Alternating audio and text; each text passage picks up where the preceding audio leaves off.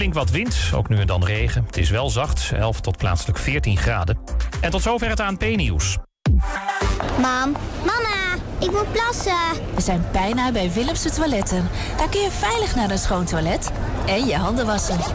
Willemsen Toiletten, het openbaar toilet in de binnenstad van Enschede. Voor een hygiënisch en plezierig bezoek vindt u in de klanderij. Lever na uw toiletbezoek de waardebon in bij een van de deelnemende winkeliers. Scan de QR-code of kijk op willemsentoiletten.nl.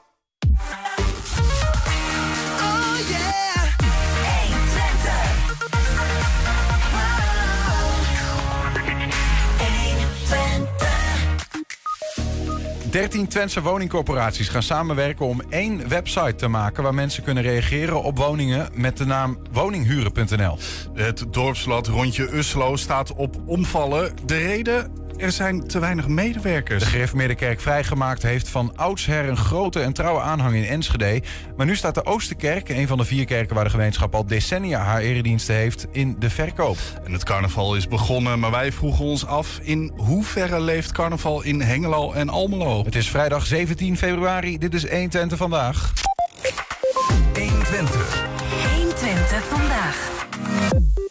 De stadhuistoren van Hengelo herbergt een eh, prachtig carillon klokkenspel... dat slechts eens per week wordt bespeeld door de stadsbijaardier Roel Smit uit Olst.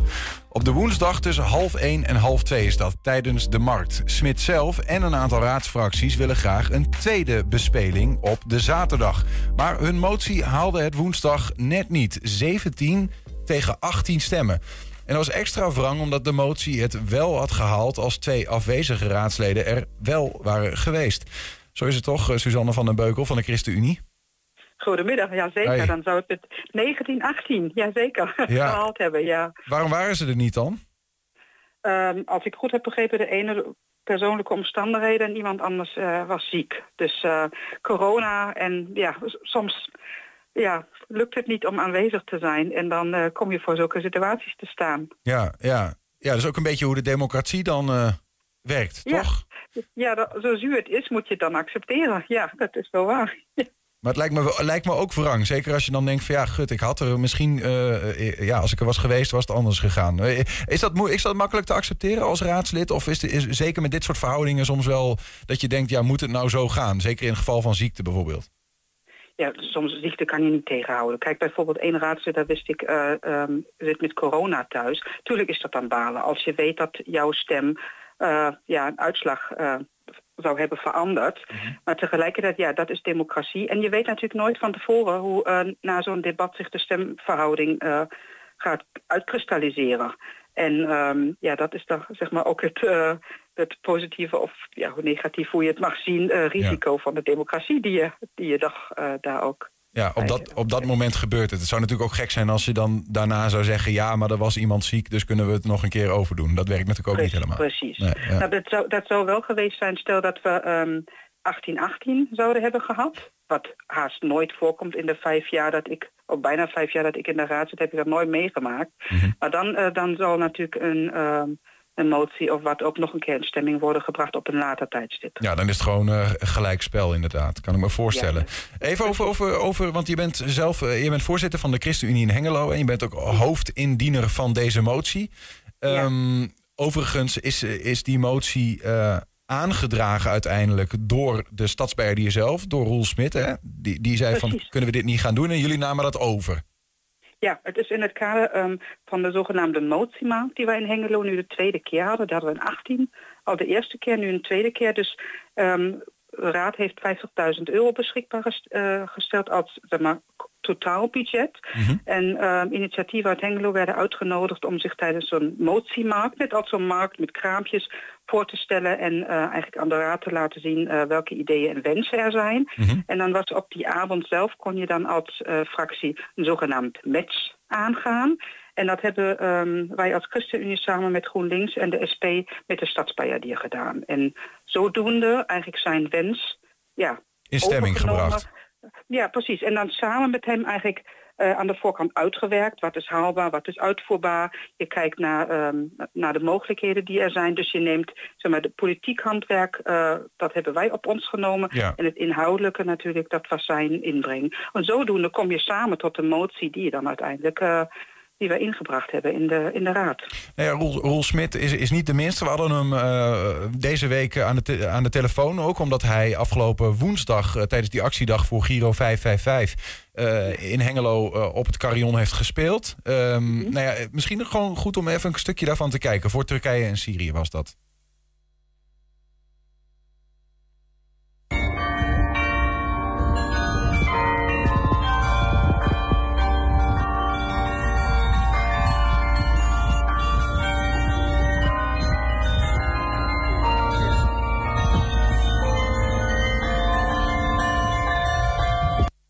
Ik herken het liedje niet wat hier wordt gespeeld, maar het is een, een Turkse of een Syrische melodie, want die speelde hij dan uh, daarvoor. Ja. ja. is dit voor jullie, zeg maar, wat voor een functie heeft wat, wat jullie betreft als ChristenUnie zo'n zo'n zo'n carillon, dat jullie zeiden van, ja, hij moet op die zaterdag ook gewoon uh, standaard gaan spelen?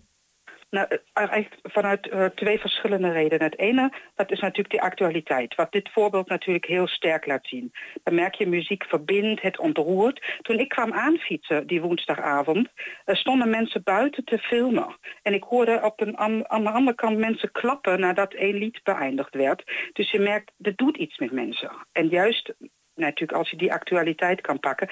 En dat is ook het, het mooie, het is live muziek. Je kan ingaan op actualiteit. Hij heeft het eerder ook al gedaan, dat je wensnummers kon indienen. En um, dat is de ene kant. En de andere is, we hebben dit carillon. Het hangt daarboven uh, uh, in de stadhuistoren deels al sinds 1963. Uh, een gedeelte van, van het klokkenspel. Mm -hmm. Een ander, um, zeg maar, de uitbreiding heeft plaatsgevonden in 2011. En dan hebben wij zoiets van, je hebt zoiets moois als stad uh, ben je eigenaar van. Dan, dan, moet je het laten horen aan, aan de mensen in de stad. Dus uh, het is natuurlijk ook immaterieel erfgoed uh, in Nederland, het, het Bayard muziek omdat het zo bijzonder is. En dan hebben wij ja. zoiets van, laat het horen. Uh, overigens, uh, de, ik, ik, ik, hoor wat je zegt. Ik wil nog even toevoegen. Zo net hoorden we een stukje en ik heb dat niet zo herkend. Maar het is het Turks volkslied wat we net daar uh, hoorden spelen. Kijk. Dus excuses aan de mensen uit Turkije dat ik dat niet zo heb herkend. Vanuit het carillon zeker niet. Maar dan weten we dat. Um, bijzonder om het daaruit te horen. Maar goed, het, is, die car het carillon zelf is bijzonder, zeg je. Hè? De, de, de, ja. Het klokkenspelmuziek en ook vanuit zo'n carillon immaterieel erfgoed. Ja. Wat is dan de reden voor raadsleden om te zeggen... nou, we nemen deze motie niet over, waarom die het niet heeft gehaald? Ja, is het goede. Wel natuurlijk eigenlijk moeten we de ja. fracties vragen die tegenstemmen. Maar voor een deel kan ik natuurlijk antwoord geven. Want je probeert natuurlijk in het debat um, ook de, um, uh, de partijen, de raad te overtuigen... dat ze juist voor deze motie uh, gaan stemmen. Ik denk voor, uh, dat het voor een, voor een deel um, echt aan de financiën lag. aan het totaalpotje van 50.000, wat ik in het begin al zei. En dan heb je natuurlijk een rijtje van van elf moties die, uh, die wij uh, afgelopen woensdag hebben behandeld. Mm -hmm. En ieder motie vraagt natuurlijk om een bepaald budget. En dan ga je natuurlijk op een gegeven moment beginnen met rekenen van kom je als fractie dan als je dit en dit en dit steunt, op welk bedrag in totaal kom je af. Ik denk dat dat ook een financiële ja. afweging is. Je moet gewoon een keuze, keuze maken. En, en, en, en, je kunt het allemaal wel willen, maar dat lukt niet met die 50.000. Ik begreep dat hij, uh, dat Roel Smit zo'n 250 uh, euro bruto nodig heeft per bespeling. Hè, voor het oefenen, voor het uitvoeren. Hij moet hier naartoe komen, of naar Hengelo in dit geval. En ja. Uh, nou ja, dat zou dan op zo'n 1000 euro per maand, 10.000 euro voor 10 maanden, voor de resterende 10 maanden van dit jaar. Dat is natuurlijk ook, ja, dat is, als je dat zo hoort, is dat ook best wel een aardig bedrag. Ja, zo kan je het zien. Maar goed, dat kan je ook weer... Bij, bijvoorbeeld, we hebben een motie aangenomen voor het oprichten van een half basketbalveld... wat 23.000 euro kost. Dus ja. het is ook wat, wat zet je in verhouding. Maar ook wat, wat is voor je als fractie belangrijk? Waar, waar zet je prioriteiten? Ja. En dat vonden wij als ChristenUnie, en mag ik ook namens GroenLinks en SP zeggen, wij vonden het wel belangrijk. Ja. En uh, ook andere partijen die dat gesteund hebben, kijk naar, naar burgerbelangen, pro-Hengelo, Burger, burgers, Forum voor Democratie, die, die hier achter stonden. Die zeiden van, uh, wij willen dat graag voor Hengelo. En we zien het ook, dat is ook het mooie, als vrolijke muziek gespeeld wordt en je, en je loopt door de stad, heeft dat effect. Dus als het gaat over een aantrekkelijke binnenstad, je wil reuring, wat Hengelo wil, dan vinden wij dit echt van toegevoegde waarde. Is het nou gedaan of is dit uh, kans in, in de democratie voor een herkansing, zeg maar? Wij pakken die herkansing zeker op. En op nee, welke wat, manier? Ik, ik, denk dat wij... Um, um, we hebben natuurlijk de, um, de kadernoten of de zomerbrief en ook de begroting dit jaar nog. En wat natuurlijk een wens, onderliggende wens is om hier uh, structureel, geld voor vrij te maken. Om dan te kijken of het dan de, ehm, in 24, 2024 mogelijk is om die tweede bespeling eh, voor elkaar te krijgen. Ja. Dus wij zullen hier zeker. Nou ja, en wat een belangrijk punt is, is zeker ook een eh, aspect van, van evaluatie. Dus kijken ook richting Hengelo-promotie. Zij willen het in de, in de eh, communicatie al veel structureler nu al meenemen, aandacht hier aan besteden. En, ehm, en dan kijken we in hoeverre ehm, reageren Hengeloers hierop. Vinden ze het echt ook belangrijk om, om die tweede bespeling op die zaterdag eh, te willen hebben? En dan Ja. willen wij daar graag op anticiperen en daarop ingaan en nog een vervolg proberen. Dus het is nog niet gedaan, wordt vervolgd hoor ik wel. Eh, ChristenUnie-fractie, eh, fractievoorzitter geloof ik, hè? Ja. Ja, zeker. Sorry, ja, Suzanne van der Beukel uit, uit Hengelo. Dank voor je uitleg en laat nog even weten wanneer jullie weer op de barricades gaan staan. Gaan we zeker laten horen. Bedankt voor het gesprek. Jo. Thank you. Zometeen 13 Twentse wooncorporaties gaan samenwerken om één website te maken waar mensen kunnen reageren op woningen. De naam van dit initiatief woninghuren.nl. En Gesproken over woningen. Zit je in een woning die koud is en moet je een hoge energierekening betalen? Eh, of niet? Eh, wij willen heel graag weten van je hoe dat bij je zit. In, eh, in, in, of je nou in Enschede, in Hengelo, in Almelo woont, waar dan ook in Twente. Ehm, laat het ons even weten via 1twente.nl slash vragenlijst. Invullen daarvan duurt ongeveer twee minuten, kan volledig anoniem. En dan krijgen wij een beeld van wat er speelt in de regio. 120. 120 vandaag. Ja, dit weekend barst carnaval weer los en dat betekent verkleden, een biertje of misschien wel meer drinken. Maar vooral lekker losgaan. Vieren de Hengeloers dit weekend carnaval? Slaan ze het feestje over? Wij vroegen het jong en oud in de Hengeloze binnenstad. Gaat u dit weekend carnaval vieren? Nee, ik denk het niet. Ik denk het niet. Een kleine twijfel heb ik nog. Want ik woon in Tubberg. Dat is natuurlijk ook wel een echte carnavalsplaats. Ja, ja, ik ga naar Carnavalfestival En waar is dat? in Moergestel. Eh, nee, ik ga misschien volgende week al even naar Alders, alleen even om te kijken dus. Dat vind ik wel gezellig dus. Nou, ik heb het eh, vorige jaren wel eens gedaan. Ehm, alleen ik vind er nou gewoon niet zo heel veel meer aan met al die stinkende mensen om me heen en zo. ja, ik heb vroeger niet zoveel meer voor. Nee. Nee, jullie gaan geen carnaval vieren? Waarom gaan jullie geen carnaval vieren? Dat hebben we vaak gedaan, maar we laten het nu aan jullie over. Nee, ik ga, ik ga geen carnaval vieren. En waarom gaat u geen carnaval vieren? Nou, omdat dat ik daar niet mee bekend ben. En eh, ja, het is een traditie in het zuiden van het land. En je moet er echt voor in de wie- wieg gelegd zijn om daar echt van te genieten. Eh, ik vind het wel leuk om eh, de praalwagens te bekijken. Eh, dat wel, maar ik, ja, dat, het feest zelf zegt me eigenlijk eh, wat minder. Ehm, maar ik, ik vind het wel mooi als mensen daar eh, plezier aan beleven. Ja, wat doe je dan? Dan eh, zit je binnen, word je dronken, heb je lol. Dat is carnaval. Nee, dat is hij. Oh, ik kom uit het zuiden van Nederland. En daar ben je aan het dweilen. Dan ga je van café naar café. Kroeg in, kroeg uit. Gezellig samen op straat. Maar toen was ik nog jong. Dus toen kon ik nog echt van, eh, van genieten. was best heel leuk. Wat ging ik al doen? Eh, nou, verkleden natuurlijk. En eh, ja, gewoon eh, ja, wat iedereen doet met carnaval. Eh hossen. Ja, losgaan vooral. Ja, dat is eigenlijk... Ja, wat doe je op carnaval? Veel drinken, losgaan. Eh, hoe ga je verkleed? Ja, dat weet ik. Ik ga vandaag een carnavalspak bestellen, dus ik weet het nog niet. Ja, ik, ik loop onder vereniging, dus ik heb, ik heb weer zo'n steek op. Ja, ik ga als hippie. Zo'n roze jurkje met zijn flairmouwen. Het is gewoon een heel standaard eigenlijk. Er zijn verschillende manieren van verkleden. Waar ik vandaan kom, had je gewoon een boerenkiel aan. Ja. That's it. Dus eh, lekker losgaan dit weekend? Lekker losgaan. Zeker. Ja, in Hengelo is vanavond de Twentse lichtparade en morgen de grote gezinsoptocht. Veel Hengeloers die net voorbij kwamen zijn daar niet voor te porren. Of ze gaan los in carnavalsbolwerken zoals Te Bergen of Oldenzaal. Is carnaval dan iets dat niet begrepen wordt door stadsmensen? Dat onderzochten we in Almelo met de stelling van de week. Het carnavalsweekend is begonnen. En dat betekent voor de een een weekend vol vertier en de ander slaat het liever over.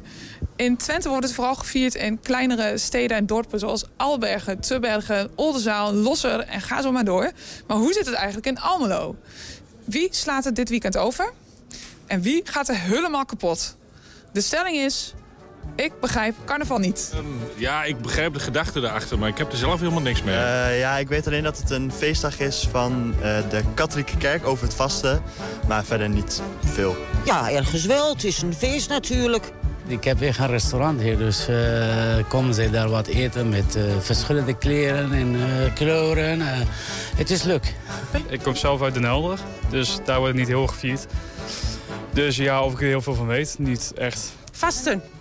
Ja, het vasten begint. Eh, ja, een, een of ander volksfeest waar mensen zich eh, allemaal verkleden en, eh, en dan een jaar lang al hun eh, dingen opsparen om dan eh, een paar dagen volledig eh, los te gaan onder het genot van eh, wat alcohol. Viert u het zelf wel eens? Wel gedaan, maar helemaal verwaterd. Eh, nee, nee, dat niet. Ja, ik vind het leuk. Ik ga van het weekend zelf ook naar eh, Tilburg toe om het te vieren. Eh, ik heb er zelf helemaal niks mee. Als ik het allemaal dan zo hoor, dan gaan ze zo'n eh, zo'n kar bouwen en eh, allemaal die dingetjes eromheen. En eh, die gebruiken, ja ik, ja, ik heb er niks mee. Dus... Nou, één keer naar Alberg wel, maar zoals naar Duitsland toe, dat niet. En vind je dat het eh, ook meer een dorpsiets is? Of mag het hier ook wel naar de steden komen? Eh, hier in de buurt is wel misschien meer een dorp iets. Ja, vooral natuurlijk Albergen hier in de buurt, maar... ja, en eh, in de steden hier is het niet heel veel en dan kun je beter naar eh, Brabant gaan. Ik vind het wel heel leuk als het eh, in het dorp blijft, ja. Zoals wat wij hebben, ja. Ja, waarom dan? Waarom nou, niet, vind ik wel echt iets dorps. Waarom niet een groot landelijk feest? Nee, nee, dan haak ik af. Ik vind dat eh, hoeveel carnaval hier komt is leuk, is mooi, is eh, grappig. Het is meestal zo van dat dat in, eh, in, in katholieke gemeenschappen eh, plaatsvindt. Dus eh, kleine dorpjes als Alberg, Tubbergen, is allemaal katholiek Oldenzaal. Onder de grote rivieren. Ja, voor de mensen die ervan houden... eh, is wel leuk natuurlijk dat het naar de stad komt. Ja, in de stad zou ik het wel eerder doen dan in een dorp. Ik vind het nou veel gezelliger. Ons kent ons. Als ik in, eh, in een residentie ben, dan ken ik iedereen. En eh, ja, dat vind ik heel gezellig. Als ik het allemaal dan zo hoor, dan gaan ze zo'n eh, zo'n kar bouwen en allemaal die dingetjes eromheen. En eh, die gebruiken, ja ik, ja, ik heb er niks mee. Dus dan, eh, Ja. houdt wel van gezelligheid en een biertje. Ja, zeker, zeker. Maar daarvoor ga ik naar het stadion van de Raakles. Dus eh, ja. Hou jij een beetje van carnaval, Niels? Dit is heel gevaarlijk. Eh, wat, wat moet ik, hoe moet ik er een diplomatiek goed antwoord op geven? Nee, maar ik ben gewoon... Ik, ik, Nee, jij komt uit moeten Enschede, vooral, dus het eh, is doen niet- wat niet ze willen hier. doen. Maar ik, he- ik heb er zelf niet zoveel mee. Ik kom niet uit een carnavalstraditie.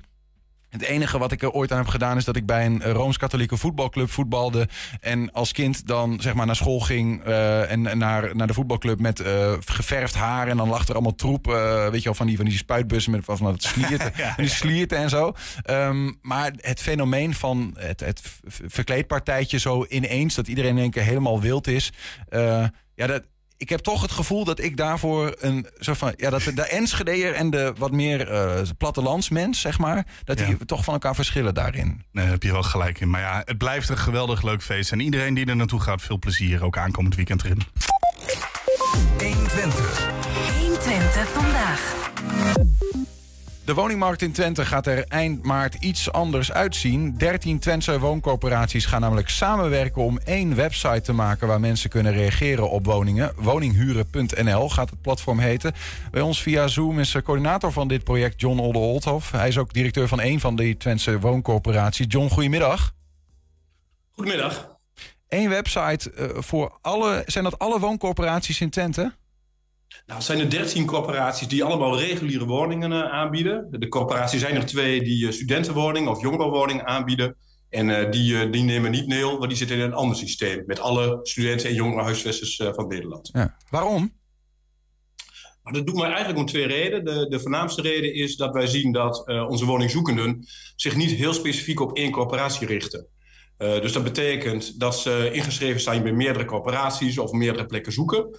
Ehm, dus ja, wij bieden nu een platform waardoor je door één keer inschrijven gewoon het hele aanbod van die 13 corporaties en over alle Twentse gemeentes kunt, eh, kunt zien. Nou ja, ik, ik kan me namelijk heel goed voorstellen ehm, dat bijvoorbeeld een Enschedeer zou zeggen: Nou, ik, ga, ik, ik moet nu bij de woonplaats, bij domein en ons huis, bijvoorbeeld de drie grootste in Enschede, reageren. Eh, nou, nu, eh, straks is dat makkelijker op één website, kan ik me voorstellen. Maar ja, die hebben dan. Straks gaan ze ook reageren op huis in Hengelo, begrijp ik. Nou, dat kunnen ze nu ook. Hè? Dus er zit geen verschil tussen. Kijk, iedereen is nu vrij om te reageren of in te schrijven in een andere gemeente. Hè? We hebben gewoon vrije vestiging in Nederland. Uh, maar het wordt inderdaad straks makkelijker om te zien uh, wat daar uh, te huur is. Mm-hmm. dus er zullen wat bewegingen ontstaan. ervaring in het land. Hè, op, op, op heel veel plekken in Nederland zijn er regionale woonruimteverdeelsystemen. Maar die ervaringen zijn dat die verhuizingen niet, heel, niet toenemen doordat je één systeem okay. hebt. Mensen die nu de wens hebben om te gaan verhuizen naar een andere gemeente, een andere plaats, die, uh, die zijn er nu toe ook in de gelegenheid. Ja, ja, maar het is niet ingegeven door een soort van, wat, dat, dacht ik even, van misschien is er een gedachte dat we als we nou in Twente wat meer het spul met, met z'n allen verdelen. dat de Enschedeer die nu een huis niet in Enschede kan vinden, bijvoorbeeld wel nou ja, in Hengelo of Almelo kan vinden, dan scheelt dat. Maar dat, dat zit er niet achter. Het is gewoon gemak van, dan kun je op alle plekken alles vinden. Nee, dat zit er zeker niet achter. Kijk, elke gemeente heeft een eigen woonvisie, een eigen strategie, samen met de corporaties over hoe groot is de omvang van je, van je, van je bezit. Mm-hmm. Uh, dus dat, uh, dat is echt de lokale aangelegenheid. Uh, wat wij eigenlijk doen is gewoon het leven een stuk makkelijker maken, overzichtelijker.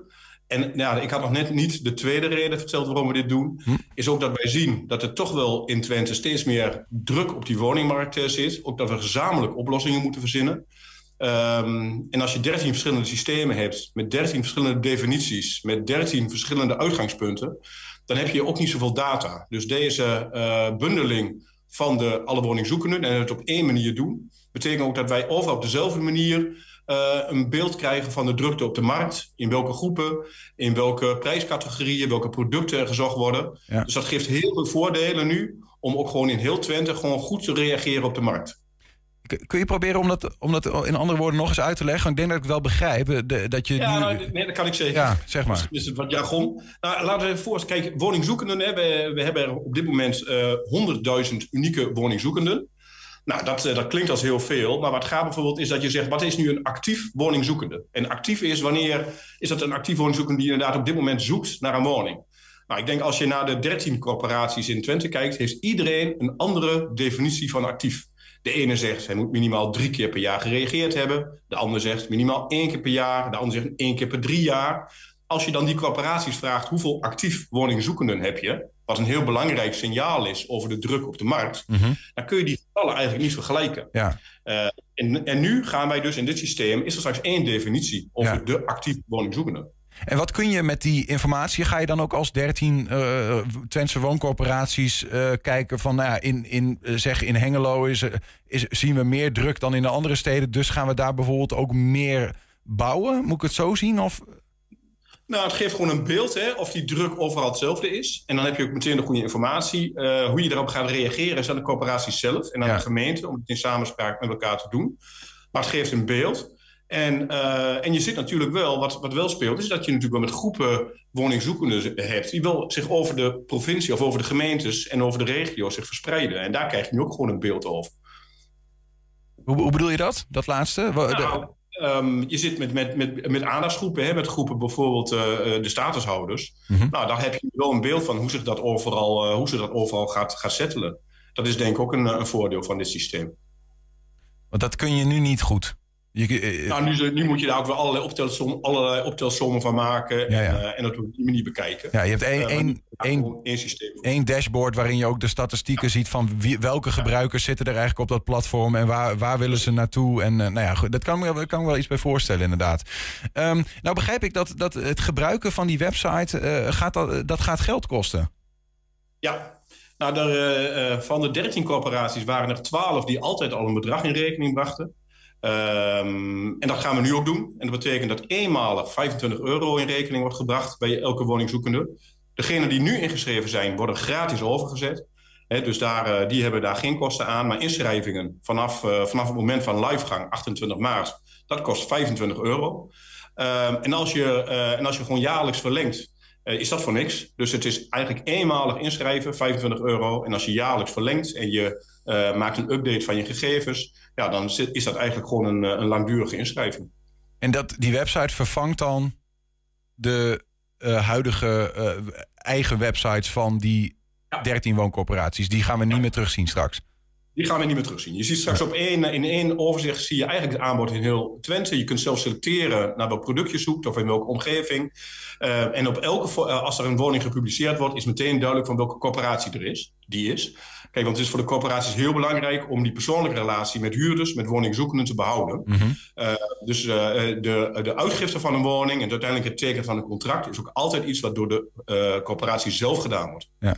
Die, die, overigens, die, die, die, die contributie, moet ik het dan zomaar zeggen, die 25 euro die je betaalt om die website te kunnen gebruiken, die, de, waar gaat die eigenlijk naartoe? Ja, dit zijn, uh, dat, ja, dat is natuurlijk weinig zichtbaar. Dat zijn kostbare systemen. Het is een, een ICT-platform uh, waar heel veel achter zit en op zit. Er zijn mensen bij betrokken, helpdesks. Ehm, dus het is, het is een kostendekkend bedrag. Mm -hmm. maar we houden er zeker geen geld aan over. Nou, is het ook zo dat je bijvoorbeeld, weet ik, in, in Enschede, ik weet niet hoe dat in andere steden of dorpskernen in, in, in Twente is, maar dat je als je heel veel reageert in een jaar, dan uh, kun je aanspraak doen op de zogeheten pechvogelregeling. En dan zeggen ze eigenlijk de voorwaarden, dan, dan, dan gaat de woningcorporatie voor jou op zoek met voorkeur naar een woning. Maar ze zeggen de voorwaarde daarvoor is dat je uh, bijvoorbeeld bij de woonplaats in Enschede dat je het hele jaar door eigenlijk zoveel mogelijk reageert, eigenlijk op alles reageert en zonder voorkeur van locatie bijvoorbeeld. Wij, wij, vroegen ons af, hoe zit dat eigenlijk in zo'n nieuwe website dan? Vragen jullie als 13 woningcorporaties van iemand om in al die steden te reageren om voor zo'n regel in aanmerking te komen? Of werkt dat niet zo? Nee, nee zo werkt het niet. Uh, elke corporatie neemt zijn eigen methode, hoe die woningen aanbesteedt of aanbiedt, of hoe die omgaat met pechvogels. die brengt dat zelf in. Dus nou ja, het voorbeeld dat jij geeft, zal de woonplaats zal het op dezelfde manier doen. Ze zullen kijken hoe de pechvogel gereageerd heeft het afgelopen jaar. Of die, woning, of die misschien ook al een woning geweigerd heeft. Uh, en als je aan diezelfde voorwaarden, die nu ook al gelden, uh, voldoet... Ja, dan kun je gewoon gebruik maken van die pechvogelregeling. Ja, helder. Dus in die zin verandert daar uh, intrinsiek niet zoveel aan in dit systeem. Nee, de, het systeem biedt ook de mogelijkheid om uh, te kiezen tussen een loting. Wat sommige corporaties doen, onder andere de corporaties in Enschede. En andere corporaties die bieden aan op basis van inschrijfduur. Mm -hmm. Dus daar zit gewoon, in feite zet iedereen zijn eigen methodiek en ook zijn eigen pechvogelregeling zet door. Alleen het is allemaal op één plek te vinden. En er is geen zorg dat uh, de woningmarkt bijvoorbeeld in Enschede, die al overspannen is, straks nog weer uh, dat er weer nieuwe mensen uit Nijverdal bijvoorbeeld bijkomen die, die hun kans gaan zien via deze website. Nou ja, kijk, en nogmaals, hè, er zullen ongetwijfeld mensen uit Nijverdal ingeschreven staan voor een woning in, in Enschede, dus die zullen nu ook al kunnen komen. Um, wij houden het gewoon goed in de gaten. We snappen ook wel dat daar ook wel vragen over zijn, hè, zoals jij ze nu ook stelt. En wat wij gewoon afgesproken hebben, ook met de gemeente, maar ook met onze huurders, is dat we gewoon, um, ja, als wij genoeg data hebben, en dat zal waarschijnlijk aan het eind van het jaar zijn, uh, dat wij gewoon ook gewoon duidelijk inzicht geven in bewegingen die ontstaan zijn. Maar nogmaals, de ervaring op andere plekken ja. in Nederland maakt zeg maar, dat dat echt beperkt is. We gaan het meemaken. Het is een interessant initiatief in ieder geval. Vanaf 28 maart hoor ik je zeggen. Ja, uh, mensen die nu ingeschreven zijn bij een van de 13 corporaties worden vanaf nu benaderd om hun gegevens uh, ter beschikking te stellen voor uh, het overbrengen naar woninghuren.nl. Mm -hmm. En uh, 28 maart zijn we live. Overigens is dat niet echt een Twentse term, toch? Woninghuren.nl. Is er nog plan voor uitbreiding? Nou, misschien, misschien. En uh, ook nog even misschien goed om te melden. We hebben ook corporaties uh, in ons midden die ook woningen buiten Twente hebben. Dus we hebben ook heel bewust gekozen om het woord Twente maar even te mijden. Want uh, de woonplaats die heeft ook woningen zelfs in Zwolle. Ja, ja. en we hebben Verion aan boord en die heeft woningen in Lochem. dus ja, Twente zou niet helemaal de lading dekken. Maar is dit gewoon, ik bedenk dat nu in één keer hoor, maar is het een kans dat Nederland op een gegeven moment op een, op een nog veel grotere schaal, op een landelijke schaal, dit soort websites gaat gebruiken met woningcorporaties? Nou, je ziet wel dat die, dat die, dat die uh, steeds groter worden. Hè? Uh, op landelijke schaal vind ik wel een hele grote stap. Uh, ja, dat zal, uh, dat zal in, mijn in mijn beleving niet in de, in de komende vijf jaar gaan gebeuren. Zou het de wens zijn? Nou, er zitten allerlei voor- en nadelen aan. En als we kijken, we zijn 2,5 jaar bezig geweest met, om dit te organiseren. Ja, dat, is, dat kost best wel heel veel overleg en, en afwegingen maken hoe je komt terug tot een eenheid. Nou, als ik zie, ik, ik ben er zelf 2,5 jaar bij betrokken geweest. Als ik zie in welke discussies en welke gesprekken wij gevoerd hebben, is dat heel intensief geweest. Ja, ja. Ik kan me heel goed voorstellen, als je het landelijk wilt doen, ja, dat, je dat, eh, dat dat nog meer moeite en energie kost. Dus eh, ik, eh, ik zou ook niet zelf vooraan staan om daar die kracht te gaan trekken. Ja, voor nu zijn het vooral de, de woningcorporaties in Twente. 13 die dus samen gaan op één website, woninghuren.nl. Wordt dat vanaf 28 maart. John Oddeholthoff, dank voor, voor de uitleg. Succes met het initiatief. Ja, geen dank. Zometeen de gereformeerde kerk vrijgemaakt heeft van oudsher een grote en trouwe aanhang in Enschede. Maar nu staat de Oosterkerk, een van de vier kerken waar de gemeenschap al decennia haar erediensten heeft, in de verkoop. We zijn ook als podcast te vinden. Je vindt ons op alle bekende platforms. 120 vandaag, zoek het even op. 120. 120 vandaag. FC Twente maakt zich op voor de uitwedstrijd tegen Go Ahead Eagles van aanstaande zondag. Toewerken naar het duel gebeurde in, de, in een week waarin het over hele andere zaken ging dan voetbal. ik ontkom toch niet helemaal aan het onderwerp waarover jij waarschijnlijk eh, de afgelopen dagen eh, heel veel al bent eh, bevraagd. Sinds zondag, ja, toch wel een beetje het bommetje dat gedropt werd door jouzelf en Jan Streuer. Hoe ging dat die dagen daarna? Is dat zo dat je er de hele tijd eh, naar gevraagd bent? Nou, dat valt heel erg mee, maar dat komt ook omdat je nou, op de club...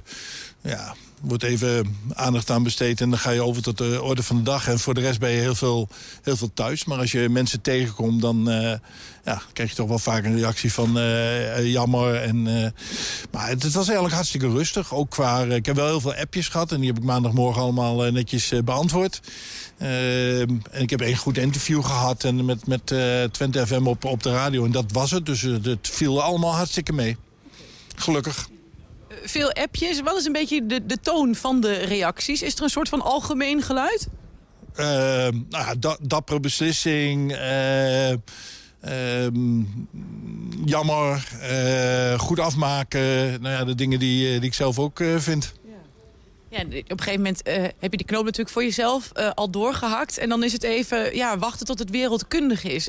In hoeverre valt er dan ook een beetje een, misschien wel een last van je schouders? Omdat je het dan eerst nog ja, voor je moet houden of wilt houden? Dat, dat, is wel prettig. Ik ben een hele slechte binnenvetter. Dus, eh, en ik wist het voor mezelf al een, eh, al een aantal dagen, al meer dan een week eigenlijk. Ehm, maar dan wacht je op eh, nou, dat het allemaal goed intern is gecommuniceerd. En niet voor een wedstrijd dat het naar buiten komt. Gelukkig winnen we van Volendam. Dus dan is de sfeer een stuk beter dan dat je puntverlies leidt. Eh, ja, dan, dan, dan is het wel lekker dat het gewoon naar buiten is. En dan is het ook eh, klaar. En dan eh, kan de club eh, verder met ja, zoeken naar een, een, een opvolger. En ik kan verder met, met de groep eh, er een geweldig seizoen van te maken. Ja, het is mooi dat je dat zegt, hè, dat het na een overwinning is. Dan is de sfeer goed. Eh, ik vroeg me namelijk nog even af. Wat als jullie die donderdag hadden gewonnen van Ajax? Was het dan al eh, wereldkundig gemaakt? Nee, nee, nee. nee. Dat, dat, eh, want dan zit je weer dat de aandacht voor de wedstrijd tegen Volendam op iets anders ligt dan op voetbal.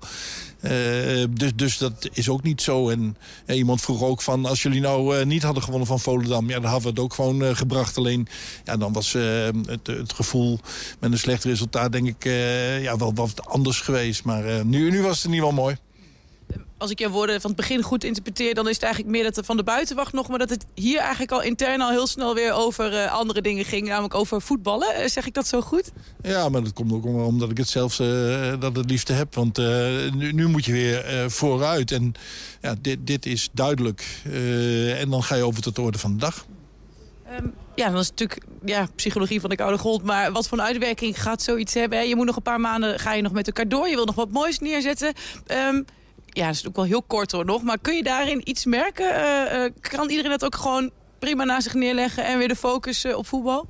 Eh, eh, waarom niet? Ik, ik heb eh, twee keer eerder bijvoorbeeld bij, eh, eh, bij Groningen en bij Herenveen. ja, dan, dan wordt het in januari, december bekend. En dan, en dan ga je door. En dat had geen negatieve gevolgen. En ja, wa- waarom ook? Ik ben super gemotiveerd. Maar ook ja, spelers ja, die willen ook winnen. Die willen ook voor hun toekomst eh, ehm, eh, goed presteren. Ehm, eh, iedereen binnen de club ook. Dus ja, ik, alleen ja, als, als je iets te vaak verliest... Ja, dan zeggen ze misschien, nou ja, de trainer gaat weg. Misschien is het allemaal net wat minder scherp.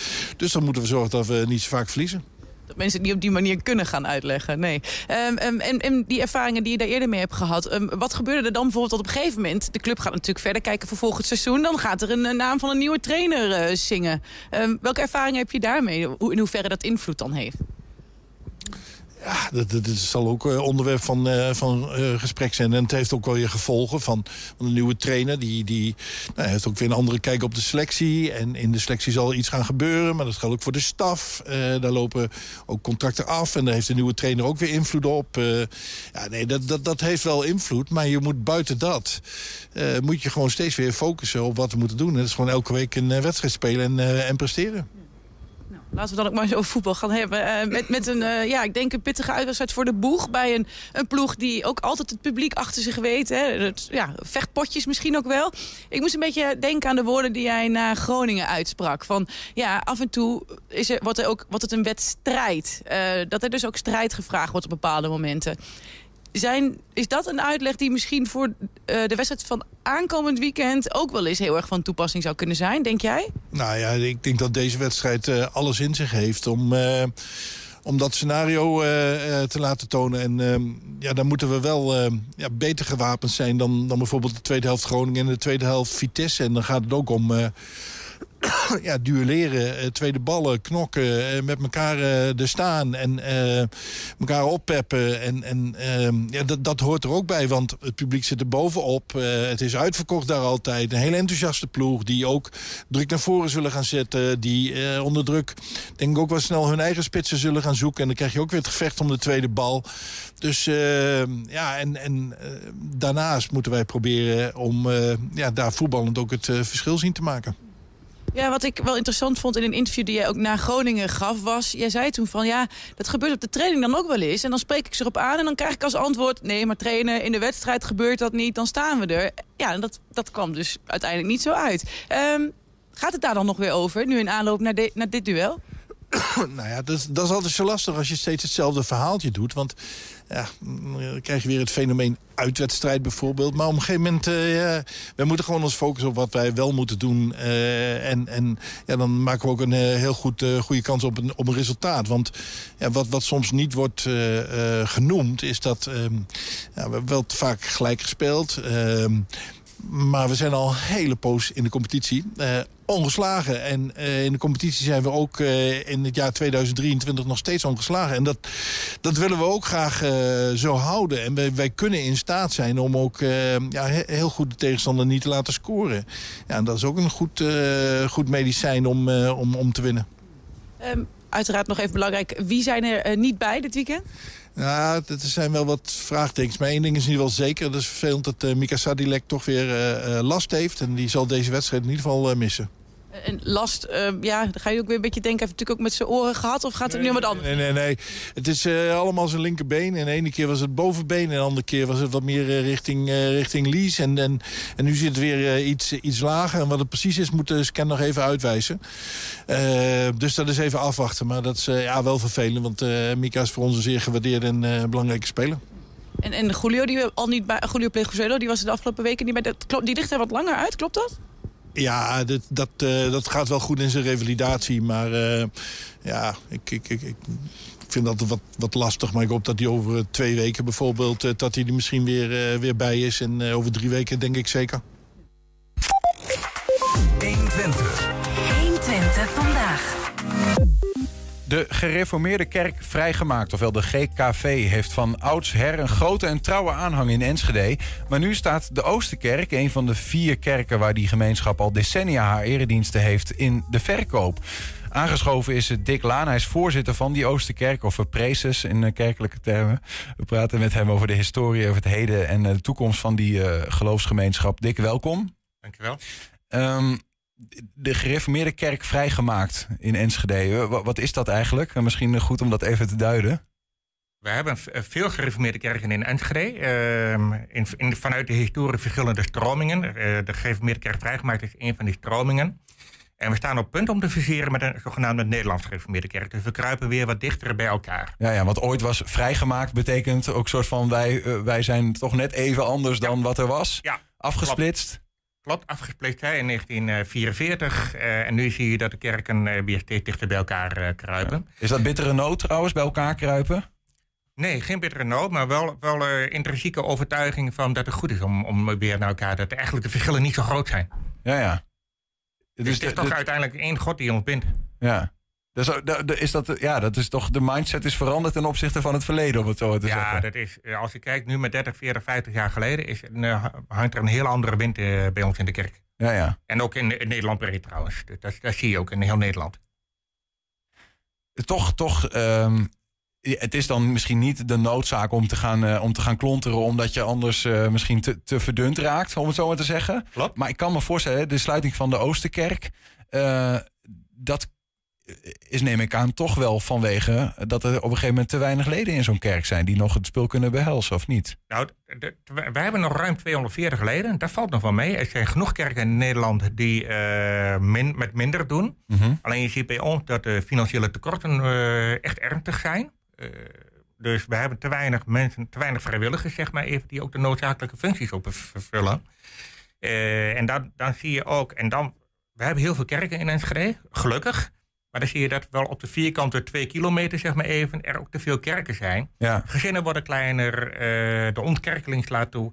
En dan zie je gewoon dat, dat een van de kerken moet gewoon sluiten, omdat je het niet meer kunt behappen. Je hebt Mhm. te weinig eh, personeel, zeg maar even, te weinig geld. Ja. En, en te, heel veel oudere mensen. En toch was dan, dat is, want de, de, binnen de christelijke gemeenschappen is de GKV een van die eh, juist ja, wat meer rotsen in de branding van de ontkerkelijking, zou je kunnen zeggen. Ehm, ook wel omdat er, ja, vanwege misschien wel die afsplitsing, mensen voelen zich sterk met elkaar verbonden. Maar het is niet genoeg geweest dan om dit, om dit tijd te keren, zeg maar. Nee, maar je ziet ook, hè, gezinnen worden ook kleiner. Ik bedoel, kijk naar, eh, mijn ouders hadden een gezin met vijf kinderen. Ik heb er zelf vier. Dat is uitzonderlijk in deze tijd. Mhm. Dus, eh, dus het is ook een natuurlijke krimp die, eh, waar je mee te maken hebt. Dat, Ja. dat, dat er gewoon ook steeds minder mensen ook naar de kerk gaan. En er gewoon de ontkerkelijking. Hè. Dus, Die speelt ook wel bij de GKV. Absoluut. Ja. Absoluut. Dus niet alleen in Enschede, maar heel landelijk. En dat wisten we twaalf jaar geleden al. Mhm. Twaalf jaar geleden, toen we- hadden we al een analyse over alle kerken in Enschede. Van hoe gaat de demografische ontwikkeling? Toen werden we al gewaarschuwd van, Oost, pas op. En daar hebben we onvoldoende op geacteerd. Ja. We- want Oost is dan. Want je, er zijn dus vier eh, in, in Enschede: Oost, West, Zuid, Noord. Ja. Hè? Ehm, eh, want ik vroeg me af, waarom zou je dan Oost eh, sluiten? Waarom werd het, was het, zou niet, werd het niet Noord of West of Zuid? Maar dat is omdat specifiek in Oost andere dingen aan de hand zijn. Ja, in Oost, eh, je ziet eh, door die vergrijzing, de financiële tekorten, dat we gewoon niet meer kunnen redden. Ja. Eh, er zitten mensen in de commissie die al twaalf jaar het- hetzelfde werk doen, het heel graag ook willen overdragen. Maar er is niemand om het over te dragen. We hebben in de kerkbestuur hebben wij oudlingen en diakenen, zoals wij dat noemen. Eh, we hebben vorig jaar geen nieuwe oudlingen en diakenen kunnen krijgen. Dus er is gewoon niemand meer die het werk kan, kan en wil doen. Maar je hebt het net wel over een mogelijke fusie die aanstaande is met een ander soort kerk. Eh, Is er, biedt dat geen, eh, geen perspectief? Dat je weer wat meer body we, krijgt? we hebben twee, twee mogelijkheden. Het is of de kerk opheffen of samenvoegen, fuseren, Ja, zeg ja, maar even. ja. Maar dat is, we hebben in, bij, bij ons in de kerk ook naar onze gemeente gekregen, gekeken en ook gevraagd van, joh, waar willen jullie naartoe? En dan zie je met één kerk samenvoegen, daar, daar gaan een heleboel mensen de andere kant op. Dus we hebben gezegd, nee, we gaan auto opheffen en we gaan mensen helpen om een keuze te maken met een van de vijf, zes, zeven verschillende gereformeerde kerken die er nog in Enschede zijn. En dan heb ik het ook over de kerkelijke gereformeerde kerk bijvoorbeeld. Precies, dus daar gaan de, de leden nu eh, ja, hun, hun, hun, hun schuilplaats zoeken, zeg ja, maar. Ja, klopt. Ja. Dus dat, eh, het, het nieuwe kerkelijk onderdak. En wij weten ook dat er enkele tientallen zullen zijn die zeggen van wij gaan nog echt even zoeken. Van pas op de plaats. Ja, echt een pas op de plaats. Hoe geldt dat voor jezelf? eh, wij zijn, mijn vrouw en ik zijn nog in, eh, in overleg waar we naartoe willen. Maar de kans is groot dat wij naar de Lasonderkerk gaan. En dat is ook een... Nederlands gereformeerde kerk. Een Nederlands daar-. Daarmee gaan we landelijk Ja, fuseren. Ja, ja, precies. Ja. D- dat, dat, dat geldt dan voor de leden, hè? maar zo'n zo'n gebouw zelf, Ja. eh, dat gaat dan echt in de verkoop. Ja. Voor, wat gaat er eigenlijk mee gebeuren?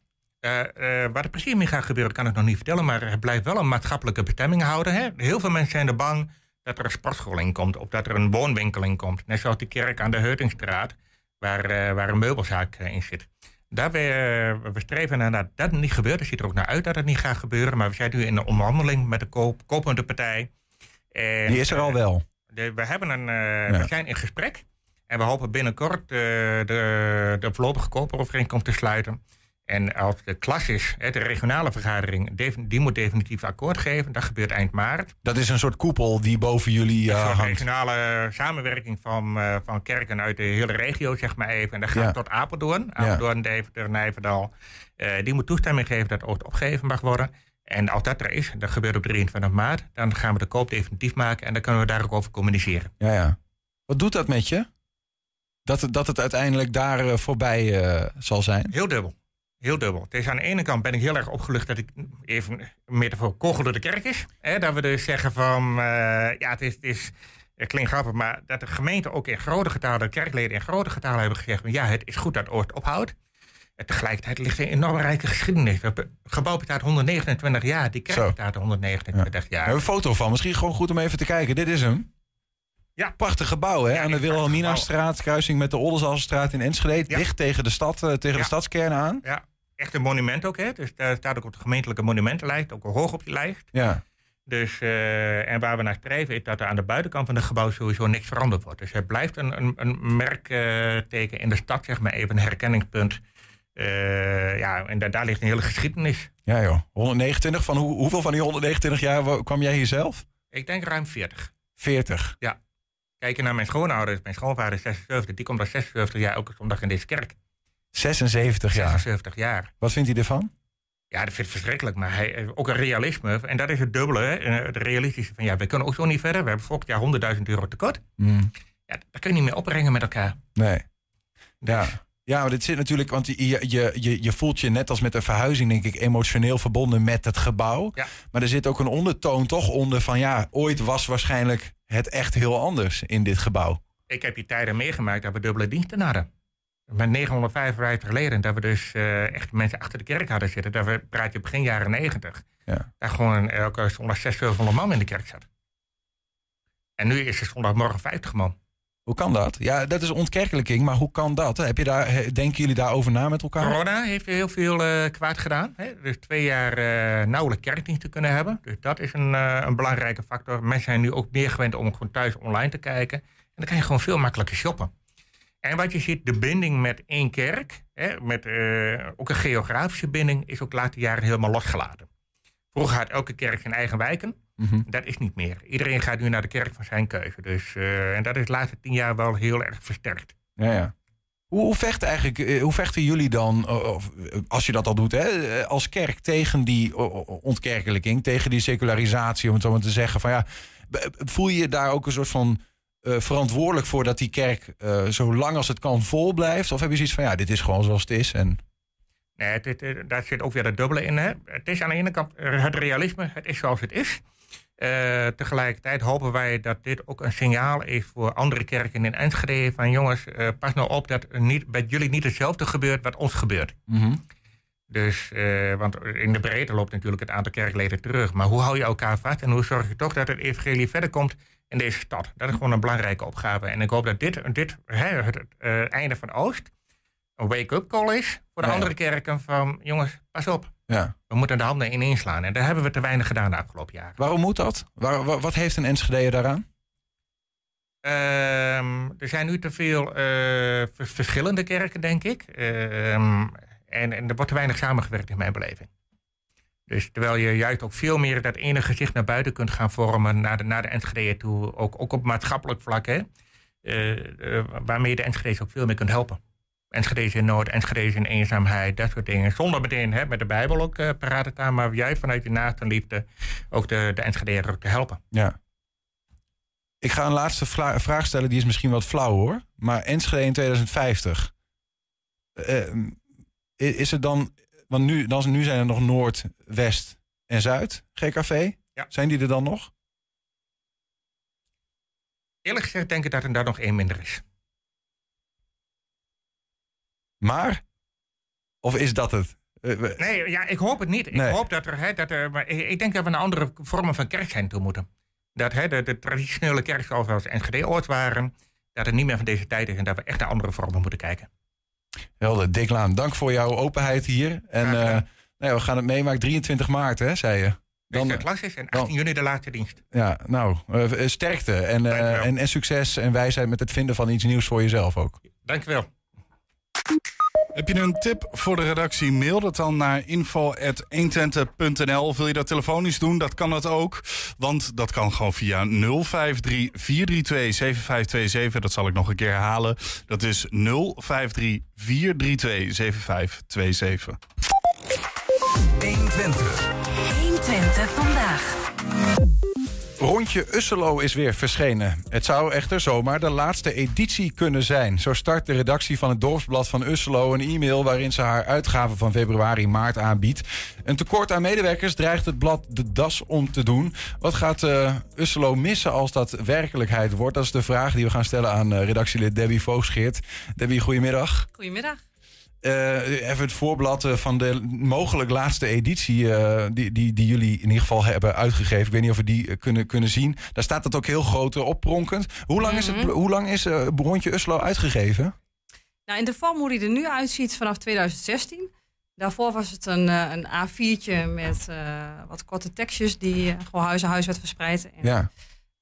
nou, een jaar of zeven geleden dachten we dat moet anders kunnen, want er is zoveel te vermelden eigenlijk. En mag best wel wat, um, um, wat meer body hebben. Dus Mhm. vandaar dat we met een uh, aantal redactieleden uh, de, de, de huidige vorm het hebben opgezet. En dat is één keer in de uh, zes, of zes keer in, in het jaar dat die wordt uitgegeven? Ja, vijf keer uh, per jaar en dan eens in de twee maanden. En dan hebben we een, uh, zeg maar een dubbeldikke zomereditie nog.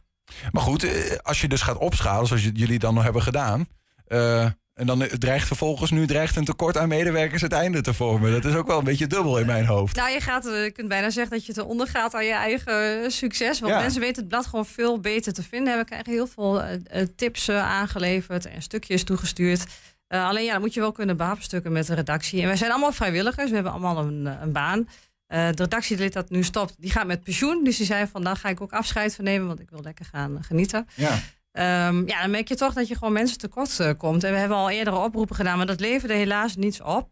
Dus we dachten, ja, dan moeten we toch maar echt de urgentie goed benadrukken. En op de laatste editie, dus die nu verschenen is, ook eh, eh, ja, een vraagteken achter laatste editie. Nou, je merkt dat dat wel heel wat losmaakt. Ja, toch wel. Want ik bedoel, je- zegt er veel gebruikers, veel als in veel lezers. Dan zou ik me voorst- kunnen stellen dat die urgentie vanzelf wel duidelijk eh, wordt.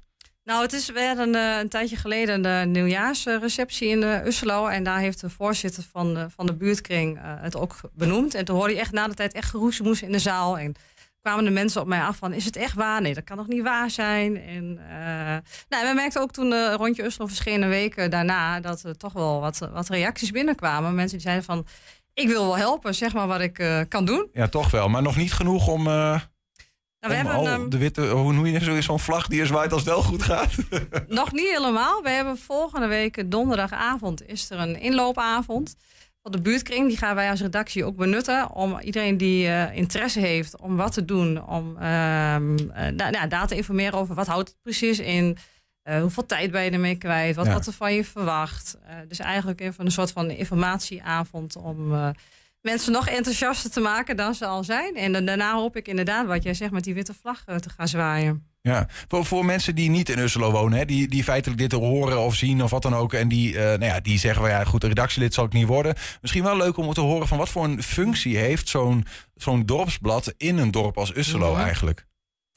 Nou, het is vooral ja, informeren, betrekken en verbinden. En met name dat laatste is heel erg belangrijk. Kijk, Uslo is wat dat betreft best wel een bijzonder dorp.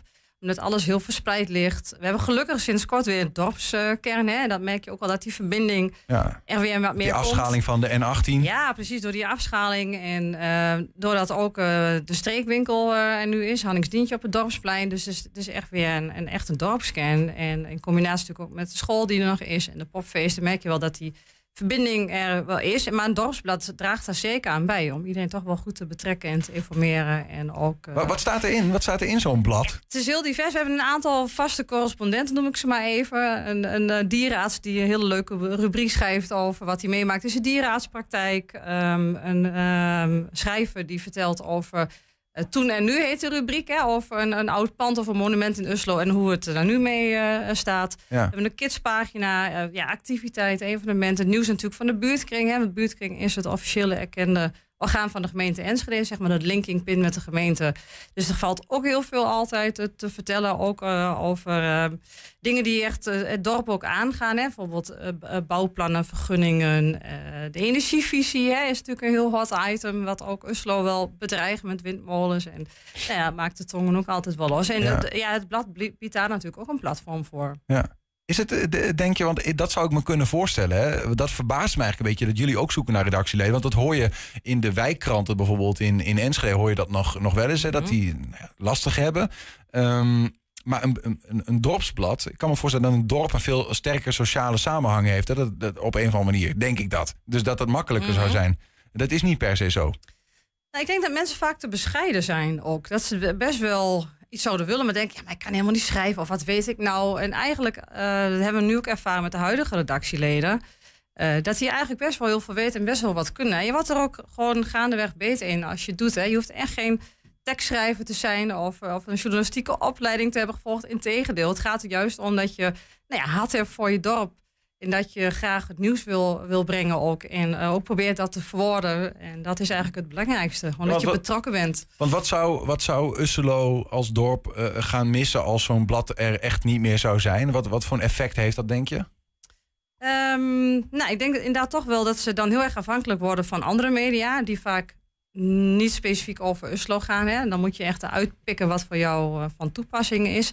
En een rondje Uslo bundelt dat natuurlijk allemaal. En heeft ook echt nieuws uit het dorp. Ook wat er te doen is, wat er leeft en wat er speelt. Ja. Wat de ontwikkelingen zijn. Ehm, ja, dan moet je op een andere manier op, op zoek gaan naar die informatie. En nu bundelen wij het samen en verpakken het ook nog eh, heel mooi. En brengen het bij je in de brievenbus. Terugschalen naar dat A4'tje waar je het over had, wat het ooit was? Dat kan niet. Dat is geen mogelijkheid. Nou ja, weet je, we hebben een aantal scenario's geschetst als redactie. En dat zou een van de mogelijkheden kunnen zijn om dat eh, te doen. Maar liever niet. Eh, nee, liever niet. Nee, zeker niet. Nee. Nee. Hoe druk ben je er zelf mee? Want het is allemaal vrijwillig. Ehm, ja, heel moeilijk uit te drukken in, in, in uren. Want weet je, wij doen het allemaal met, met eh, passie, om het even zo te zeggen. En je bent er eigenlijk altijd wel mee bezig. Omdat je altijd, als je iets hoort of ziet of denkt, hé, hey, dat is leuk. En dan bespreek je dat in de groepsapp. En kijken wie de tijd heeft. Ja, wat zal het zijn? Eh, een paar uurtjes, eh, paar uurtjes per week. Ja, ja, Maar dat je echt bewust mee bezig bent, maar ook onbewust. Ja. Ja. Hoe groot is die club dan die dit, eh, die dit nu doet, zeg maar? We zijn nu met vier redactieleden. Oké, nou, dat is inderdaad niet, niet superveel als je dan dat aan uren bij elkaar optelt. Nou weet je, er zit ook nog een redactielid, zit ook in het bestuur van de buurtkring. Dus die heeft wat meerdere petten op. En ook een andere drukke vrijwilligersfunctie. Een dame die al wat, wat ouder is. En eentje die nu met pensioen gaat. Mhm. En ik. Dus eh, nee, dus, eh, hoe, ik denk altijd hoe meer ehm, zielen, hoe meer vreugde. En hoe meer we de taken dan kunnen verdelen. Want dan blijft het ook gewoon leuk voor iedereen. Ja, en je zoekt dus eh, mensen die redactie, maar ook mensen die dus ideeën kunnen opperen, maar ook mensen die kunnen schrijven. En wat, wat, voor types zijn dat? Nou, wat, wat, waar we echt wel echt behoefte aan hebben, is mensen die echt de, de hot op willen gaan. Hè? Met, met leuke tips die wij binnenkrijgen. Die zeggen van, hé, hey, wij gaan daar wel naartoe, wat onderzoek doen of we interviewen iemand.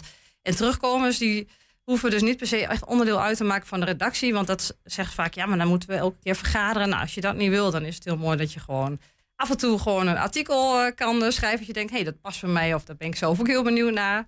Eh, en wat redactionele ondersteuning zou ook wel heel eh, fijn zijn. Dus echt de, de contacten met de drukken, de planning, dat soort dingen. Ja, ja, Eh, in de productie van het geheel. Ja. Al- alleen Usseloers trouwens? Of, de, of is dit ook weggelegd voor mensen die van, nou van ja, als buiten je komen? denkt, ik hou van schrijven. En ik, ik heb wel wat affiniteit met Uslo. Want dat is natuurlijk wel heel leuk als je dat hebt. Hè? Als je denkt van, ik, ik voel wat voor het dorp.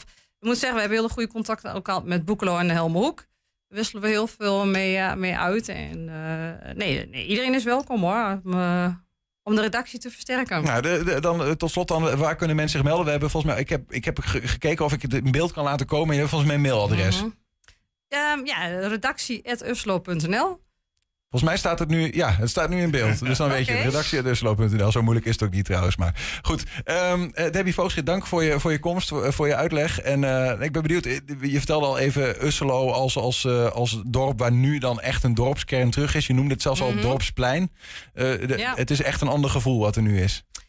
Ja, dat, dat merk je echt inderdaad. We, we zijn een tijdje geleden ook met een aantal moedige stappen op met, met eh, eh, kinderactiviteiten te organiseren. Om kinderen wat meer met elkaar te verbinden. Naast de kinderen die op school zitten. De dorpskern inderdaad. We hebben de popfeesten. We hebben het dorpsblad.